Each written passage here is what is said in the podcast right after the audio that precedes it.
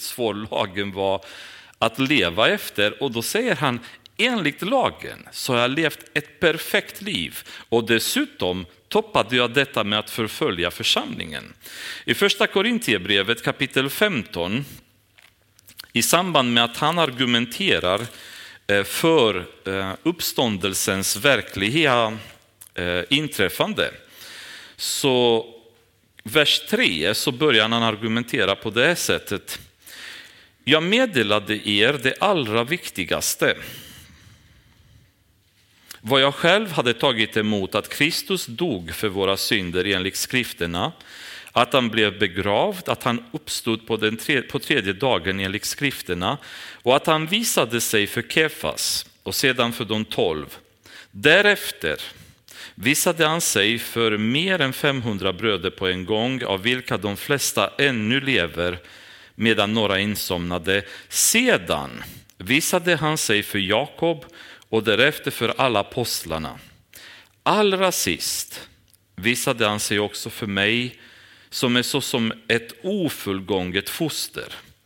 Ty jag är den ringaste av apostlarna, jag är inte värd att kallas apostel eftersom jag förföljt Guds församling. Så den här, den här förföljelsen, den här som, som hade skett här i Apostlagärningarna kapitel 7 och 8, det tyngde honom. Han ansåg sig själv vara, sig själv vara ett missfoster bland apostlarna. Ett ofullkommet eh, barn. Och det är intressant när idag det är så många människor som så gärna vill kalla sig apostlar. Att Paulus säger, jag är inte ens värd att kallas apostel, även om vi ser vem han var sen och vad han har gjort för evangeliet. Men han själv ansåg sig själva vara som ett missfoster bland de andra apostlarna på grund av att han hade varit så elak mot församlingen och förföljt församlingen.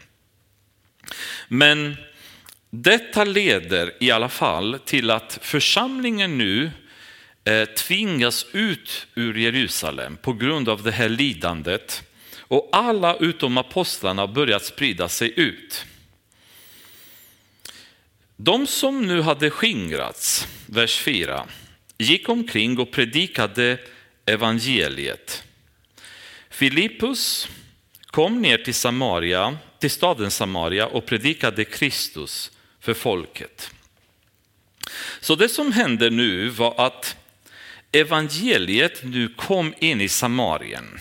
Och man kan tycka att det är ungefär som att vi åker från eh, Skövde till Jönköping eller till Halland och predikar evangeliet där. Men så var det inte riktigt där. Därför att det fanns en väldigt tydlig skiljelinje mellan Juda och Samaria. Om ni kommer ihåg långt, långt, långt tillbaka i tiden så har norra riket och södra riket splittrats. Vi pratade om det när vi gick igenom Jeremia bland annat, där södra riket var Juda bestående av Juda och Benjamin och norra riket var de andra tio stammarna. Och efter ett tag så blev deras huvudstad i norra riket Samaria. När Samarien invaderades sen av assyrierna det de gjorde var att de tog stora delar av befolkningen och flyttade dem på olika håll inom det assyriska imperiet. Vissa kom hela vägen bortåt Babylon, andra bortåt Turkiet, norra Syrien och så vidare. Och i deras plats så hämtades andra nationaliteter som bodde i det, det övriga assyriska imperiet. Samma system användes även i modern tid av Stalin, bland annat i Ryssland, som flyttade folk inom de ryska republikerna, tadzjiker som flyttades till Ukraina och belarusier till Uzbekistan och så vidare för att blanda befolkningen och på så vis urholka möjligt motstånd som de kunde ha gjort mot Sovjet. Så var det samma koncept även på den tiden. De flyttade befolkningen. Och alla de här människorna som hade kommit Eh, till Samarien, de var ju inte judar längre. De tillhörde inte de tio stammarna. Och det blev en väldigt, ehm, vad ska man säga, ett, ett kungarike som var väldigt syndig. I andra kungaboken kan vi öppna, för det beskrivs hela den här processen, så vi har det lite som bakgrund nu när Filippus ska in i Samaria och förstår lite grann vad han skulle möta när han kom dit. Andra Kungaboken kapitel 17 kan vi eh, öppna och läsa ifrån. Och vers 24 där.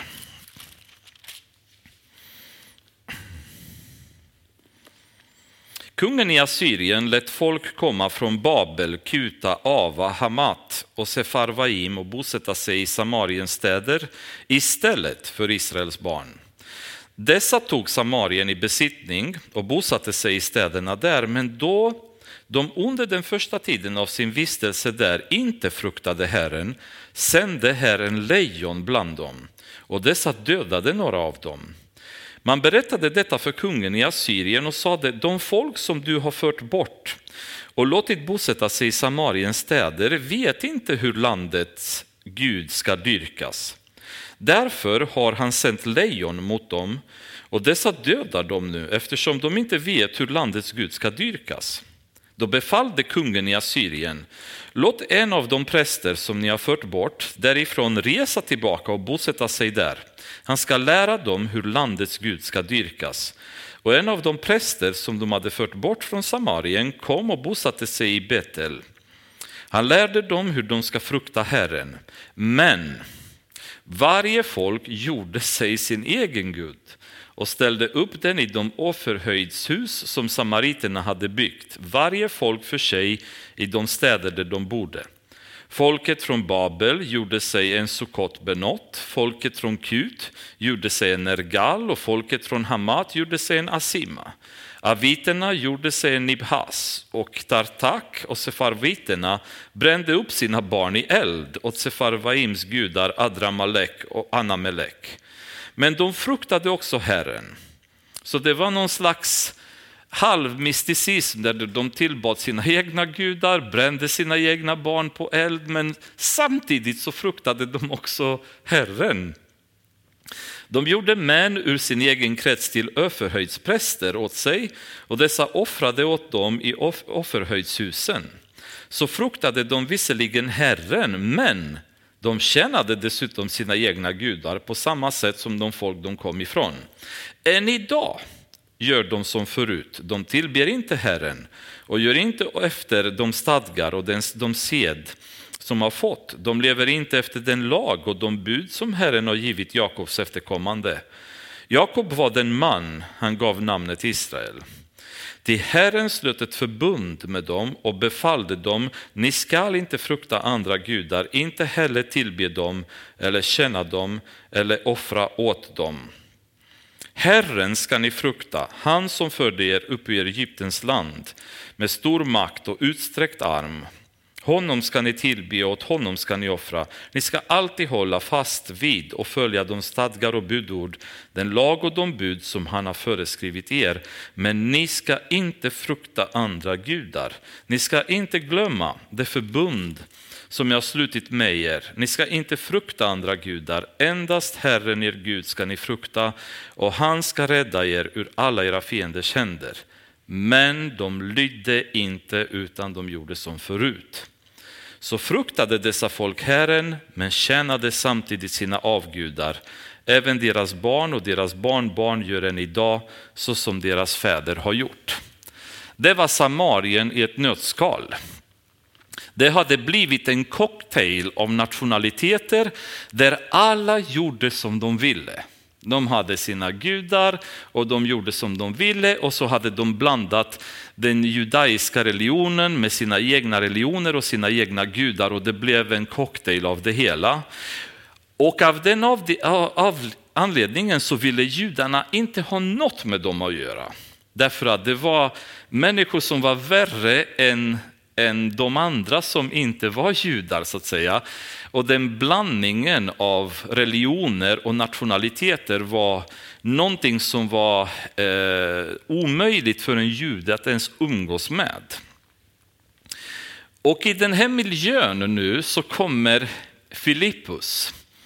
Och han kommer nu till Samaria. Ehm, vi vet inte om på utav eget Eh, eget driv eller bara råkade fly där precis som alla andra. Men han kommer till Samaria ihop med andra som hade skingrats. Och det de gör när de kommer dit, det är att de håller inte tyst.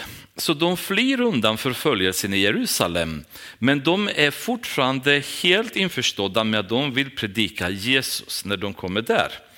Och det intressanta är att från och med nu så flyttas nu evangeliet ut ur Jerusalem från judarna in till hedningarna, det vill säga till Samarien som var närbelägna området i Judeen. Nästa steg i vad Jesus hade befallit dem att göra.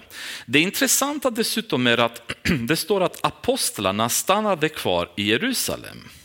Och vi vet inte varför de hade stannat kvar, men det som är väldigt spännande är att i och med kapitel 8, då ser vi att det är inte nödvändigtvis apostlarna längre som bär ut evangeliet, utan nu är en av de diakoner av de sju som valdes. Stefanus, en av dem, hade dödats. Filippus är också en av de sju diakonerna som valdes på grund av att han var av anseende bland folket och var fylld av heligande. Han hade gott rykte. Och den här diakonen, vars uppgift hade varit att känna vid borden, han går nu vidare till Samaria och börjar predika evangeliet. För det är ju, det är ju också precis det som Filippus gör. För när han kommer dit så säger han, står det att han predikade Kristus för folket. Och det här är en av de bitarna i kapitel 8 som grep mig starkast när jag läste det. Han predikade Kristus. Han gick inte där och predikade jämställdhet. Han predikade inte människors lika värde. Han startade inte världens barnorganisationer. Han predikade inte för homosexuellas rättigheter, han predikade inte miljöfrågor, han predikade inte feminism, han predikade inte uppror mot, mot hög, eh, vet överheten, alltså rom, romarna som regerade på den tiden. Han blandade sig inte i politiska diskussioner heller. Han gick där och predikade Kristus. Och man kan tycka att en del av de här teman kan vara viktiga eller intressanta. Men det är inte kyrkans uppgift att ägna sig åt. Kyrkans uppgift är att predika Kristus.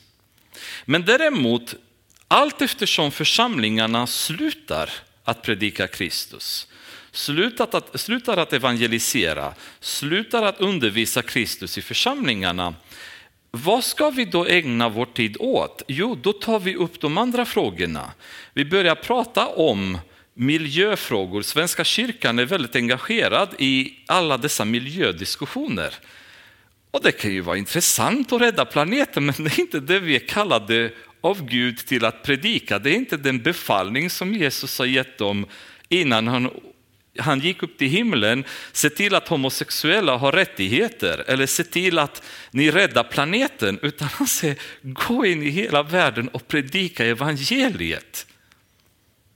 Predika Jesus Kristus till folket. Och kyrkan har så kapitalt misslyckats i många fall att predika Kristus. Därför att Kristus är som att kasta sand i ögonen på folk. Vi betraktas som extrema om vi predikar Kristus. Om till våra kompisar, om vi möter dem och tittar dem i ögonen och säger du behöver bli frälst. Du lever i synd och om du inte omvänder dig till Jesus så kommer du inte hamna någon annanstans än i helvetet. Det finns en himmel dock som är öppen och det finns en Jesus som har dött för dig för att du ska bli frälst och ta emot honom. Men vi är så rädda att ge det, det budskapet till människor runt omkring. Utan vi börjar sitta och prata om runt omkring grejer, som katten runt gröten och vi hoppas på något sätt att de kanske ställer en fråga som ska öppna upp för oss att kunna prata om Kristus med dem. Filippus går bland de människorna som var djupt hedniska, som det var en, en cocktail av av idiotier som de trodde på och han går rakt in i det här samhället och börjar predika Kristus till dem. Okomprometterat, onyanserat med andra frågor som ska få dem att känna sig inte så chockerade av budskapet utan han predikar Jesus Kristus. Och den dag den dagen när församlingen återigen får Jesus Kristus i fokus, när han blir fokus i våra liv, när han blir fokus i vårt tal, i vårt tänk, den dagen så har vi öppnat möjligheter att se människor komma till tro. För vi kommer aldrig kunna starta en väckelse, för det är precis det som händer nu i Samarien, det är en väckelse som exploderat. Med något annat budskap än Jesus Kristus och det evangeliet som han har gett oss.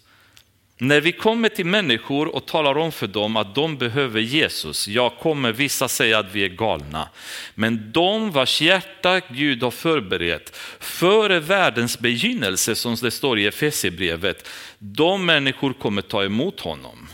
De han har utvalt, de har han förberett. Och de som han har förberett kommer sedan ta emot honom i tron. Och han har kallat oss att gå och predika evangeliet. För dessa människor vars hjärta Gud har förberett kan inte komma till tro om de inte hör evangeliet. Och evangeliet måste predikas för att tron ska komma. Det står i tydligt i Guds ord, det är genom predikan tron kommer. Och Gud har kallat oss till att predika vad? Evangeliet. Evangeliet, inte miljöfrågor, inte människornas alla rättigheter, inte eh, eh, föroreningsproblem i Amazonas, evangeliet. Det är det vi ska ägna oss åt. Allt annat vågar jag bestämt säga det är störningar som djävulen kastar in i församlingen för att vi ska slösa vår tid, vår energi på det som inte frälsar en enda själ. Men Jesus Kristus är den som frälsar. Det är det budskapet som omvänder människor till tron, som startar väckelser. Och Filippus, han gick in där och predikade Kristus. Och de höll sig endräktigt till det som Filippus predikade när de hörde och såg de tecken som han gjorde.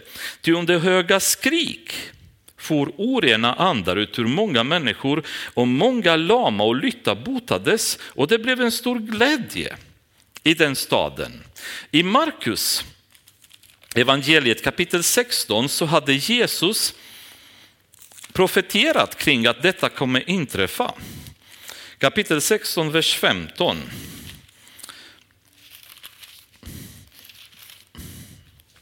Där också innan han skulle tas upp till himlen så säger han så här. Och han sade till dem, gå ut i hela världen och predika evangelium för hela skapelsen. Den som tror och blir döpt ska bli frälst, men den som inte tror ska bli fördömd. Tecken ska följa dem som tror detta. I mitt namn ska de driva ut onda andar. De ska tala med nya tungor. De ska ta ormar i händerna och om de dricker något dödligt gift ska det inte skada dem. De ska lägga händerna på sjuka och de ska bli friska. Så Jesus säger gå i hela världen och predika evangelium. Notera, han säger inte gå i hela världen och gör mirakel och bota människor, utan han säger predika evangelium. Det är det ni ska syssla med. Men dessa tecken kommer följa dem som predikar evangeliet. I de områden där de kommer att komma. Om det behövs mirakel, då kommer Gud göra mirakel för att genom tecken kunna också övertyga människorna. För vissa människor är ju sådana de, de får en annan övertygelse när de ser Guds ord materialiserat i kraft i en gärning. Jesus använder det, apostlarna använder det och nu även Filippus som en diakon använder det. Så han kommer och genom honom och genom heligandens kraft så utför han mirakel och människor kommer till tro på grund av det. Och de här höll sig till honom hela tiden. Så han var inte där för att jaga mirakel, han var inte där för att spexa för dem. Han gick där för att predika evangelium, men så som Jesus hade sagt, dessa tecken sen följde hans predikan. Och de såg både ordet och de såg kraften. Och Paulus nämnde det många gånger när han kritiserade Eh, vissa av de kyrkor som han hade problem. Och han säger att de som kritiserar mig eller som, tvi, som ifrågasätter min auktoritet, jag ska se hur de beter sig när jag kommer dit. Och jag kommer bevisa med kraft det jag står för. Med andra ord, de, de pratar, men de kan inte göra någonting. Men vad händer då med dem när jag kommer där och jag bevisar mina ord med kraft? Så att ha kraft att kunna utföra mirakel, att kunna eh, sätta andliga gåvorna i arbete, det kommer vid en väckelse. Det är många gånger som Gud utnyttjar de här gåvorna när vi fokuserar på de rätta bitarna och det är Jesus Kristus så kommer han ge oss kraft, han kommer ge oss eh, mirakel om vi så behöver för att kunna utföra hans evangelium. Så han skickar oss inte oförberedda och utan heligandens stöd. Men i staden fanns en man vid namn Simon som bedrev trolldom och hade slagit folket i Samarien med häpnad. Han sade sig vara något stort. Alla både små och stora höll sig till honom och sade, han är den Guds kraft som man kallar den stora kraften.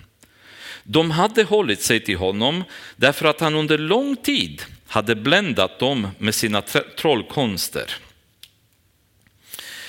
Av ren okunnighet så, så misstog folket någonting som var trolldom och demonisk aktivitet för att vara någonting från Gud.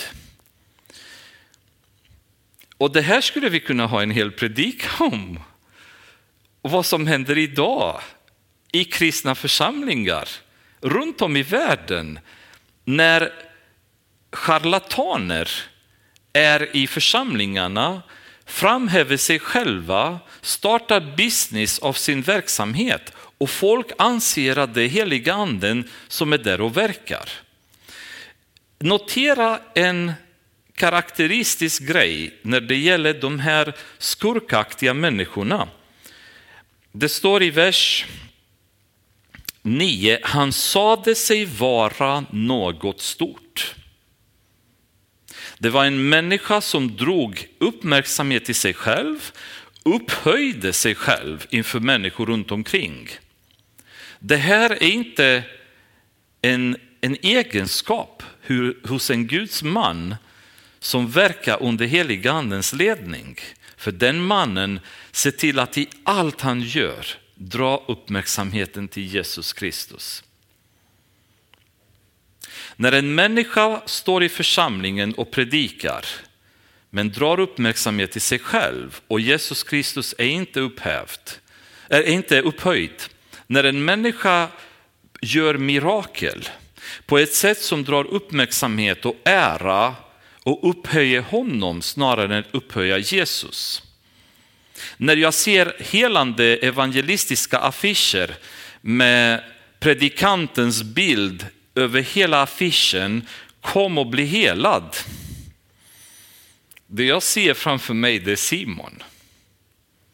Jag ser inte en man ledd av heliganden som, som, som Johannes säger att jag vill bli mindre för att han ska bli större.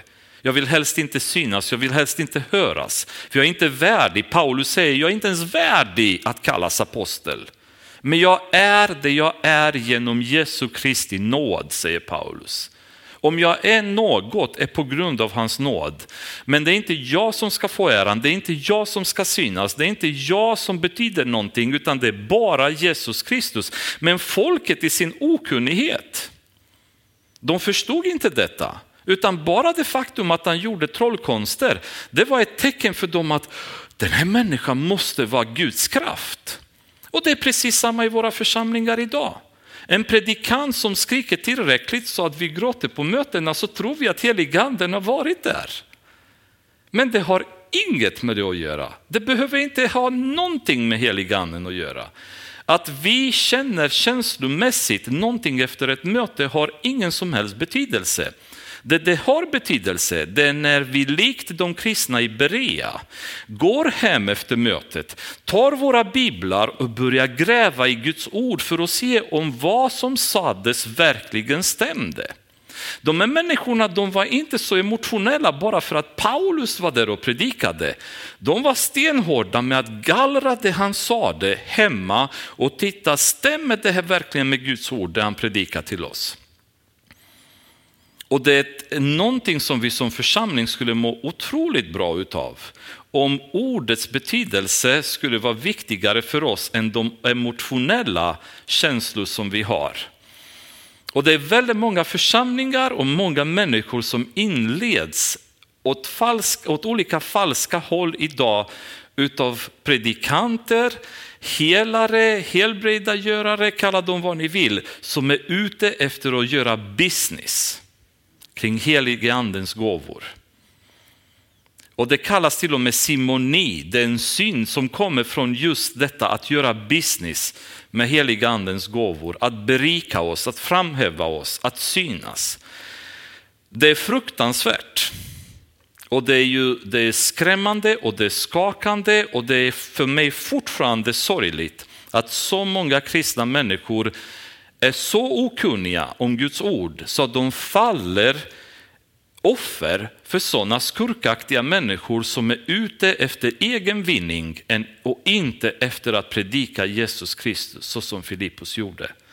Och den här människan han lockade människor till sig själv genom sina trollkonster därför att han trodde sig vara något, människorna hade ingen koll på vad Guds ord sa, de ansåg att han kom från Gud. Men när de nu trodde på Filippus, som predikade evangelium om Guds rike och Jesu Kristi namn, döptes de, både män och kvinnor. Också Simon kom till tro och sedan han blivit döpt höll han sig till Filippus. Han blev mycket häpen när han såg de stora tecken och kraftgärningar som utfördes. Då apostlarna i Jerusalem fick höra att Samarien hade tagit emot Guds ord sände de dit Petrus och Johannes. Dessa kom ner och bad för dem att de skulle få den heliga ande eftersom anden ännu inte hade fallit på någon av dem. De var endast döpta i Herren Jesu namn. Apostlarna lade då händerna på dem och de tog emot den heliga ande. Så det intressanta är att Filippus hade predikat evangeliet, han hade döpt dem, men de hade fortfarande inte fått heliganden. Och det finns ju volymer kring vad olika personer tror om detta, men det jag skulle säga är att vi vet inte varför helt enkelt varför inte de hade fått heliganden än. Därför att när vi tittar i apostlagärningarna så kan vi inte se ett mönster i hur folk har fått heliganden. Det varierar så mycket. Ibland så skedde det på ett sätt, ibland så skedde det på ett annat sätt. Så vi kan inte riktigt se hur helige anden verkar, utan det är som Bibeln säger, anden är som en vind som kommer och går efter hur det behagar honom. Och i det här fallet så hade de inte fått heliganden, men när Petrus och Johannes kom, då bad de för dem och då fick de heliganden. Vilket de uppenbarligen behöver.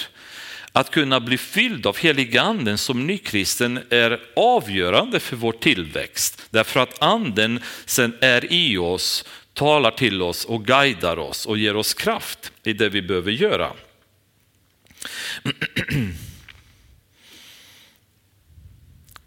När Simon såg att anden gavs genom apostlarnas handpåläggning kom han till dem med pengar och sade, ge också mig denna kraft så att den jag lägger händerna på får den helige ande.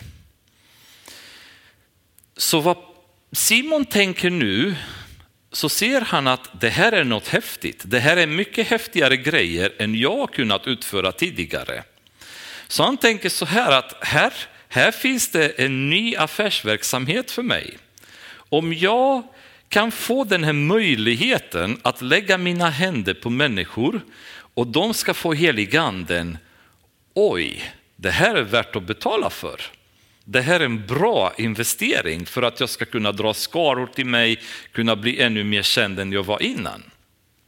Och man kan tänka sig hur kommer det sig att en människa som hade kommit till tro och blivit döpt, det står precis innan, hur kan han göra något sånt? Hur kan han bete sig på det här sättet? Men det är ju så här att det är väldigt många människor som kommer långt i sin tro, om man ska kalla det så, utan att egentligen vara frälsta. Jakob säger att till och med demonerna tror och de skakar. Liksom. Men det räcker inte. Utan det räcker att du måste gå hela vägen, du måste överlämna ditt liv till Jesus fullt och låta honom ta över dig.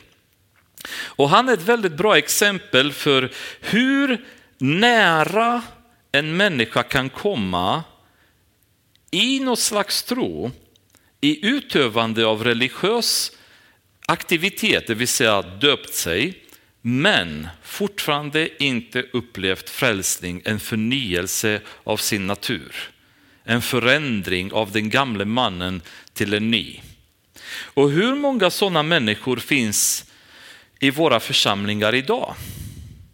Som år efter år efter år har gått i kyrkan men deras liv är fortfarande inte förändrade. Hur många människor finns det vars liv är fortfarande inte förändrade? De gör som, saker som de har gjort innan, de tänker som de har tänkt innan. De beter sig som de har betett sig innan. Det finns fortfarande inte en förändring i deras liv. Det finns ju väldigt många människor som kan komma till kyrkan av alla möjliga motiv. I Rumänien, så när hjälpsändningarna började komma efter kommunisttiden, så var baptistkyrkan som jag tillhörde då mitt i en, eh, ett område som det var väldigt många fattiga människor och väldigt många romer. Och när hjälpsändningar började komma så var församlingen packad av romer som skrek halleluja högre än någon annan församlingsmedlem gjorde innan. Och det var fullt med folk på mötena och de sjöng och de grät och de bad och de ropade halleluja så länge hjälpsändningarna var kvar. När grejerna tog slut, puff, var de borta allihopa. Inte en enda satt fot i församlingen mer därefter. Så hela den här förändringen som vi trodde hade skett i deras liv var falsk. Det var ett utnyttjande för att komma åt några hjälpsändningar. Egentligen hade de inte behövt för de hade fått hjälpsändningarna i alla fall. Men de trodde att om de låtsas vara kristna så finns det en större chans att de får hjälpsändningarna. När I själva verket så var väldigt många av hjälpsändningarna just för dem. Så eh, det var falska motiv att komma till kyrkan. Det finns ju väldigt många till exempel som döper sig för att kunna bli ihop med en kristen tjej eller en kristen kille i en församling. Det händer ibland att människor kommer, man gillar varandra och kanske någon som är i församlingen ställer krav på den andra och säger om du inte är kristen så kan inte vi vara ihop för så, så är jag, den regeln har jag i mitt liv. Och det finns ju fall av människor som i någon slags emotionell känsla eller utnyttjade, det vet man aldrig exakt, är beredda att säga, men jag, jag kan ju gå med, jag kan döpa mig. Men det finns ingen verklig förändring i deras liv. Och det slutar ibland i att det, det hände ingenting, alltså förr eller senare så glider de tillbaks i världen. Å andra sidan så kan det finnas ärliga fall där detta sker på riktigt. Det kan vi inte veta, men det finns ju situationer när det har inträffat. Att folk låtsas bli kristna för att komma åt en trevlig tjej eller en trevlig kille i församlingen som annars har de ingen chans att kunna bli ihop med därför att det finns det där kravet från personen i frågan att vi kan inte bli ihop om du inte är kristen. Det vet ni säkert som har varit äldre och sett ännu mer sånt i församlingarna. Men det finns ju olika motiv för människor ibland att vara hangaround, som jag kallar dem, till en församling. Man är med man kanske till och med har döpt sig, men det finns fortfarande ingen förändring i deras liv. Det är de människorna som kanske Jesus refererar till när han säger att jag har aldrig känt er. Och de säger, men herre, vi har ju kastat ut demoner, vi har predikat, vi har gjort så mycket. Och han säger, jag har aldrig känt er. Jag har aldrig känt er. Ni har aldrig varit mina. Heligandens sigill finns inte på er som visar att ni tillhör mig. Så vad ni har gjort, vilka religiösa ritualer ni har gått igenom i ert liv har ingen som helst betydelse därför att min sigill finns inte på er. Och det enda sättet att vi vet att vi är hans, det är att när vi blir frälsta så stämplar han oss med sin heliga ande och då tillhör vi Jesus. Vi är hans tillhörighet och baserat på detta, när vi står inför Fadern och han behöver återköpa oss, så tittar han på vem av oss har fått heliga andens sigill. De är mina. Det är de som Fadern har gett Jesus före världens skapelse. Och han har hållit och bevarat som sina. Och människor ibland går så långt i att utöva ett kristet beteende utan att egentligen vara frälsta. Och när vi tittar idag på fall av kristna som har varit med i församlingar och som har nu blivit ateister. Och man kan tänka, hur kan detta vara möjligt? Alltså hur kan man ha levt ett liv med Jesus och plötsligt inte tro på honom längre? Hur kan man? Svaret kan vara att man har aldrig gjort det. Man har aldrig haft Jesus i sitt liv. Man har haft ett utövande av religiösa ritualer. Man har haft ett kristet språk. Man har umgåtts i en kristna miljöer eller deltagit i någon slags kristet klubb kristen klubb, men inte en levande församling där människornas liv har varit förändrade, där Jesus har tagit över och heliganden har styrt den församlingen åt rätt håll, med människor som har hängivit sig Jesus. Hur kan en människa bli ateist efter man har levt med Jesus? I min värld är det helt omöjligt. Det är helt omöjligt. Vi kan snubbla, vi kan falla i vår tro, Eh, men så länge vi går framåt så, så gör vi rätt. Ibland så kryper vi, ibland kan vi inte springa. Ibland skrapar vi näsorna i gruset på väg mot himlen, men vi backar inte. Vi vänder inte Jesus ryggen och går åt andra hållet. Utan vi kämpar framåt. Vissa gör det väldigt bra, vissa springer väldigt fort. Vissa är så starka så de drar flera andra efter sig på väg till himlen. Och vissa av oss är svaga och, och snubblar hela tiden och trillar omkull och knappt reser oss innan vi är nere igen. Men framåt går vi i heligandens kraft. Vi vänder inte Gud ryggen och går tillbaka, utan vi går framåt. Och Simon tycker jag är ett perfekt exempel på en människa vars liv tyddes på att bli förändrad. Men det han är intresserad av, han är intresserad av affärsverksamhet. Han vill köpa kraften att kunna få honom att förhöja sig själv ännu mer. Att bli större än han var innan, att, att bli ännu mer känd. Och eh, i våra församlingar idag, sådana människor som dansar med en fot i världen och med en fot i församlingen är vi väldigt, väldigt rädda att konfrontera. Eller hur? Det är sällan församlingsdisciplin utövas i de moderna kristna församlingarna, även om Paulus brev är fulla är fulla av uppmaningar till att utöva församlingsdisciplin. Ta nästan vilket brev ni vill så finns det verser om vikten av att utöva församlingsdisciplin därför att det måste så att säga användas ett sätt att spara församlingen från det som kan förstöra den. Eftersom Satan är igång hela tiden på alla sätt och förstöra församlingen. Men vi är väldigt rädda att ta tag i de här människorna som är hela tiden med en fot i världen, en fot i församlingen och konfrontera dem och säga broder, syster, vad händer? Varför är du aldrig på mötena? Varför är du aldrig på bönemötet? Varför ser vi aldrig dig engagerad i Guds församling? Vad händer med ditt liv? Hur lever du ditt liv egentligen? Vad är det som är viktigt i ditt liv numera? Varför lever du sambo, broder och syster i församlingen? Varför håller du på som du gör? Men vi är väldigt rädda att göra detta. Men det var inte Petrus, tack och lov. För när Simon kom till honom, då sa Petrus till honom, vers 20, till fördärvet med dig och dina pengar eftersom du menar att Guds gåva kan köpas för pengar. Du har inte någon del eller låt i den här saken eftersom ditt hjärta inte är uppriktigt inför Gud. Vänd dig därför bort från din ondska och be till Herren. Kanske ska han förlåta dig vad du tänker i ditt hjärta. Jag ser att du är förgiftad av bitter galla och bunden med orättfärdighetens band. Simon läste igenom honom direkt och sa, om du inte omvänder dig Simon, då är du körd. Håll inte på så där, försök att köpa Guds gåva.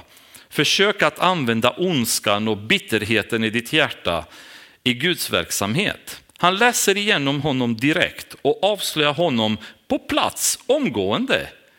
Fatta om Simon hade varit i vår församling. Fatta vad vi hade tassat runt omkring honom.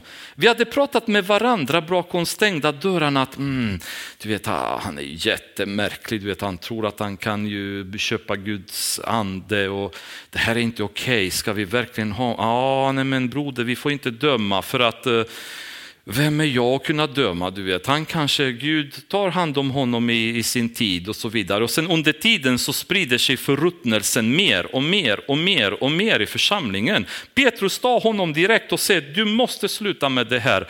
Omvänd dig, annars är det kört. Om du inte omvänder dig. Väldigt tydligt budskap avslöjar honom på, på fläcken. Och Simon säger så här, Be ni för mig till Herren så att ingen av det ni har sagt kommer över mig. Så han blir riktigt rädd och ber dem att be för honom. Men jag tänkte bara, har du inte förstått vad Petrus har sagt? Du måste omvända dig. Du måste gå och be. Du måste gå till Gud jag kan inte be för dina synder, jag kan inte omvända mig för dig. Du måste besluta själv i ditt hjärta. Så in i det sista, han är fortfarande inte intresserad att ta tag i sitt liv, utan han hoppas bara att han ska slippa domen. Och att Petrus skulle möjligen kunna be för honom ihop med de andra. Men han vill inte ta steget själv. Han vill inte gå och ångra sina synder inför Gud och be. Utan han hoppas att någon annan ska göra det. Och det är också en sån klassisk fall av människor i kyrkan som genom åren är sådana människor som hela tiden behöver bön för allt möjligt. Men jag undrar ibland hur mycket de här människorna ber själva hemma.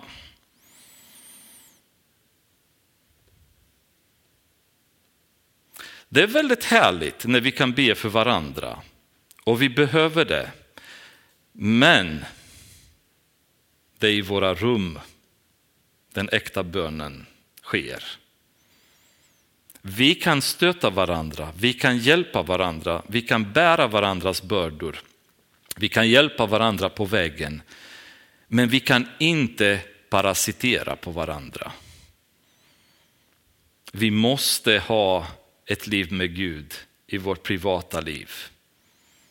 Att strunta hemma i att be, att strunta hemma i Guds ord, men komma till kyrkan på söndag och hoppas att predikan jag hör på söndag räcker för mig så att jag kan växa andligt.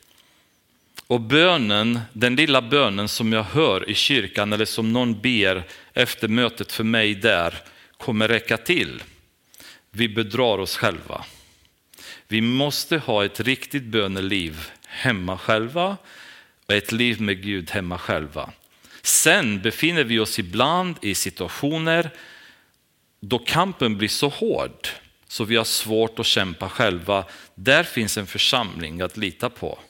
Det finns en äldstekår vi kan gå till. Jakob uppmanar oss att då kanske till och med behöver vi gå till äldstekåren, berätta eller bekänna våra synder för varandra och de ska be och hjälpa oss i, de kamp, i de, den kamp som vi befinner oss i. Det finns ju olika dimensioner där bönen kan gå igenom. Men bönen i församlingen eller bönen som någon annan ber för mig kan inte ersätta det faktum att jag inte har ett böneliv med Gud själv. Vi kan inte, jag kan inte springa efter varje möte och be och få bli bedd för om jag inte själv har ett böneliv hemma. Men om i min kamp hemma så befinner mig jag i så svåra situationer så jag behöver komma till församlingen och få deras bön. Amen, det är det församlingen är till för. Men församlingen kan inte be åt mig utan jag måste be själv. Jag måste söka Gud själv. Men Simon gör inte det. Han struntar och går vidare. Men sedan hade de vittnat och predikat Herrens ord, vände de tillbaka till Jerusalem och predikade under vägen evangeliet i många byar i Samarien. Så en väckelse startade i Samarien med en man som var tjänare vid borden, men som tog sin kallelse på allvar, gick dit, predikade Jesus, höll sig fast vid evangeliet och det hände saker. En Herrens ängel talade till Filippus, gå vid middagstiden ut på vägen som leder från Jerusalem ner till Gaza. Den ligger öde. Vad märkligt. Alltså, fattar inte heliganden att jag befinner mig mitt i en väckelse? Här är ju det myllrar av folk och de kommer till tro och mirakel sker. Och mitt i detta så ser Gud genom en ängel gå till en öde väg. Alltså, då borde man nästan ställa frågan, verkligen fatta heliganden ibland vad han gör? För jag har så mycket bättre planer än han har. Nu är jag här, det är en församling som växer, folk kommer till tro. Skicka inte mig någonstans ute i Norrland där det är bara bors. liksom. vad ska jag göra där? Här vill jag vara, här händer saker. Men det är jätteroligt. En ängel kommer till Filippus och säger gå, gå till, ner till Gaza, det finns en öde väg. Och Filippus stod upp och gick. Och se, då kom en etiopisk hovman som var eunuck, det vill säga han, ehm, han var kastrerad då. Och det oftast var sådana vid hoven vid olika, i olika länder då. Och hade uppsikt över skattkammaren hos den etiopiska drottningen Candace. Han hade kommit till Jerusalem för att tillbe, så förmodligen var han av en slags judisk tro, eh, fast han bodde i Etiopien. Och var nu på väg tillbaka och satt i sin vagn och läste profeten Jesaja. Och nu kommer nummer två, så först en ängel skickar eh, Filippus på den, den öde väggen. Och då sade anden, så nu ingriper heliga anden, vers 29, sade anden till Filippus, gå fram till vagnen och håll dig tät intill den.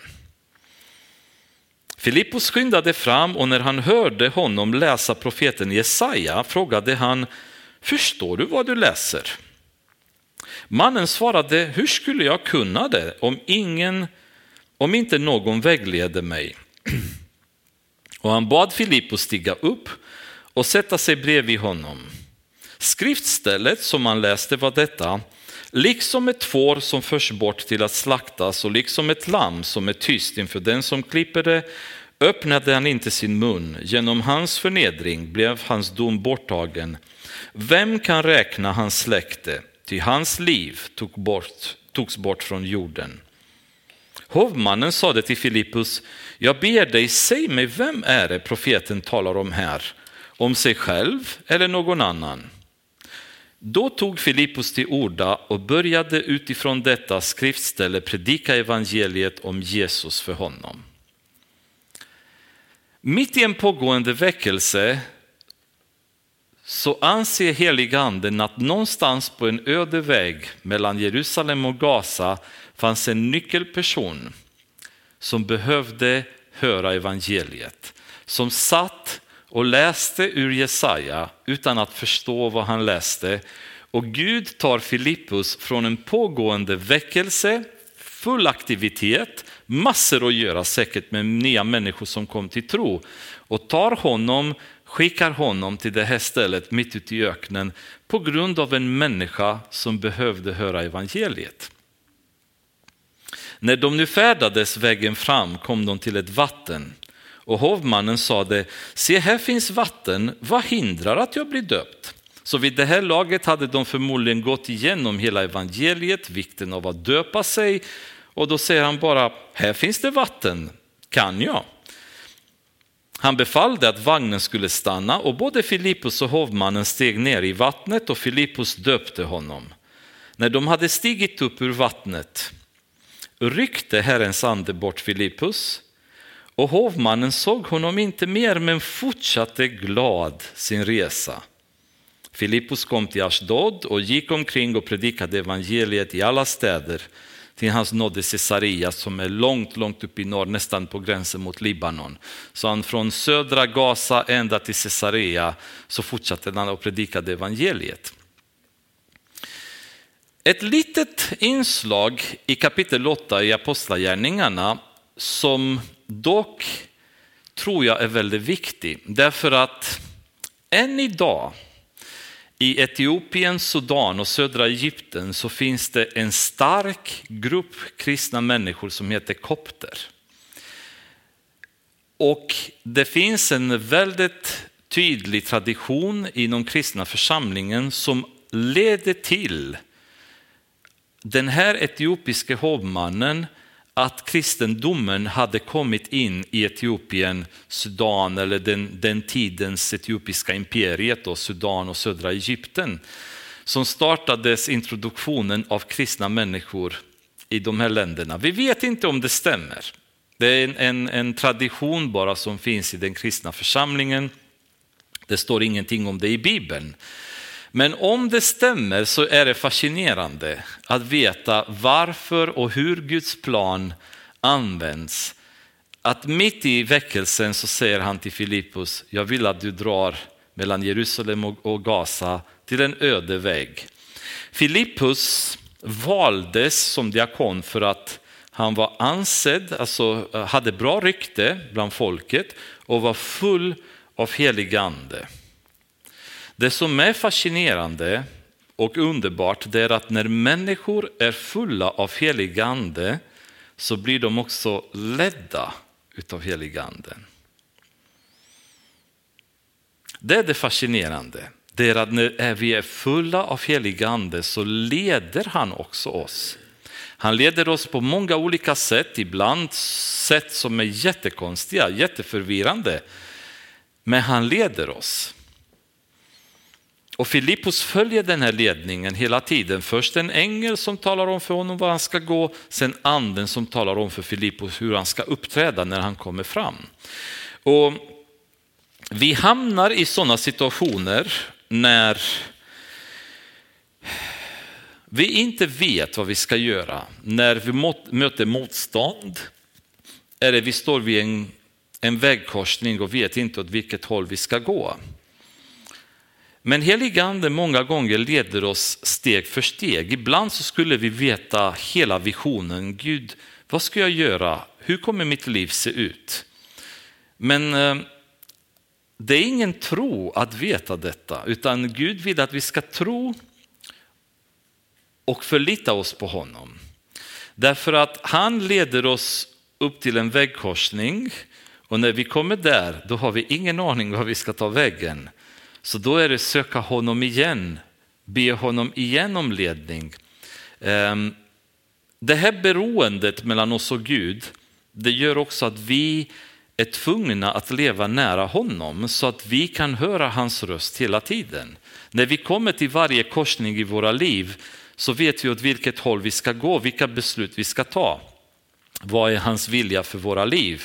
Och det här beroendet är någonting som Gud älskar när vi permanent är tvungna att söka honom och ha andens fullhet i våra liv för att kunna förlita oss på hans ledning. För är vi inte där, är vi ett får som inte lever ihop med herden, då känner vi inte igen hans röst. Då ser vi situationer som de såg om Simon och vi tycker oj, det där är anden. Nej, det var det inte. Anden agerar på ett annat sätt. Han uppträder inte på det sättet, han leder oss inte på det sättet, men eftersom vi inte känner till andens röst, då hakar vi på alla möjliga röster vi hör och vi tror att vi hör rätt. Och vi vill väl i vårt hjärta. Vi är snälla, vi är goda människor, men vi, vi springer ändå åt fel håll. När vi lever ihop med heliga anden, när vi söker Gud dagligen, då kan vi förlita oss på att när vi kommer till ställen där vi upplever att det ligger en mur framför, framför oss, så finns det en utväg.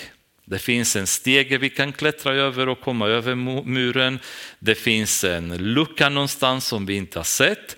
Eller så finns det en kraft i vår fot som sparkar sönder den här muren för att gå vidare.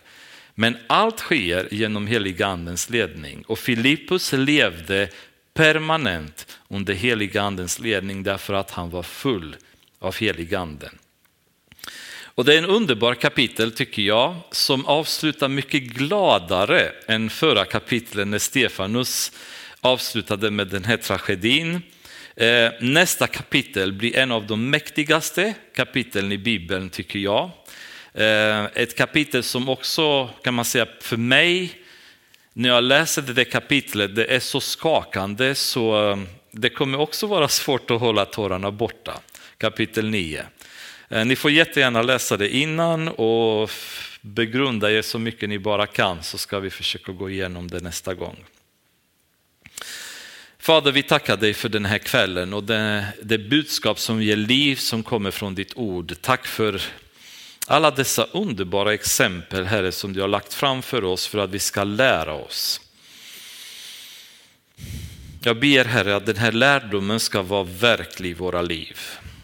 Att vi inte bara står och pratar här och lyssnar, utan att allt det här kan vi överföra till våra liv och ge resultat, Herre. Jag ber så mycket, Fader, att du ska hjälpa oss att kunna bli ledda på det sättet som du har lett den här, de här människorna i Nya Testamentet. Jag skulle så gärna vilja se det livet i vår församling, Herre, med människor som är med hela deras hjärta hängivna till dig, totalt överlåtna i dina händer så du kan göra med oss precis som, vi, som du vill, Herre. Jag tror det finns väldigt mycket motstånd hos många av oss. Vi har våra viljor. Vi har våra planer till våra liv och vi ger inte utrymme för att din heliga ande ska verka. Fader, och ibland så har du varit tvungna att bryta ner oss för att kunna bygga upp oss på nytt. Och vi ser den här förföljelsen som inträffade, Herre, och vi vet inte, Herre, hur du kommer agera i vår församling. Och hur du kommer kunna nyttja var och en av oss och kapaciteten som finns i den här församlingen, Herre. Men en sak är sann, Fader, och det är att utan dig så är vi ingenting. Utan din heliga Ande i våra liv så är vi ingenting. Och jag ber Fader att du ska fylla oss med din heliga Ande, inte för att vi ska kunna organisera spektakel här i kyrkan, Herre. En slags cirkus där människorna ska attraheras för att titta på någon slags underhållande fenomen. Utan fylld av din heliga Ande, Herre, på riktigt. En eh, livsförvandlande ande, Herre, där framförallt liven hos de som är med i församlingen ska förvandlas och sen kunna sprida elden till dem i samhället, Herre och se många komma till tro. I Jesu namn ber vi Herre. Amen.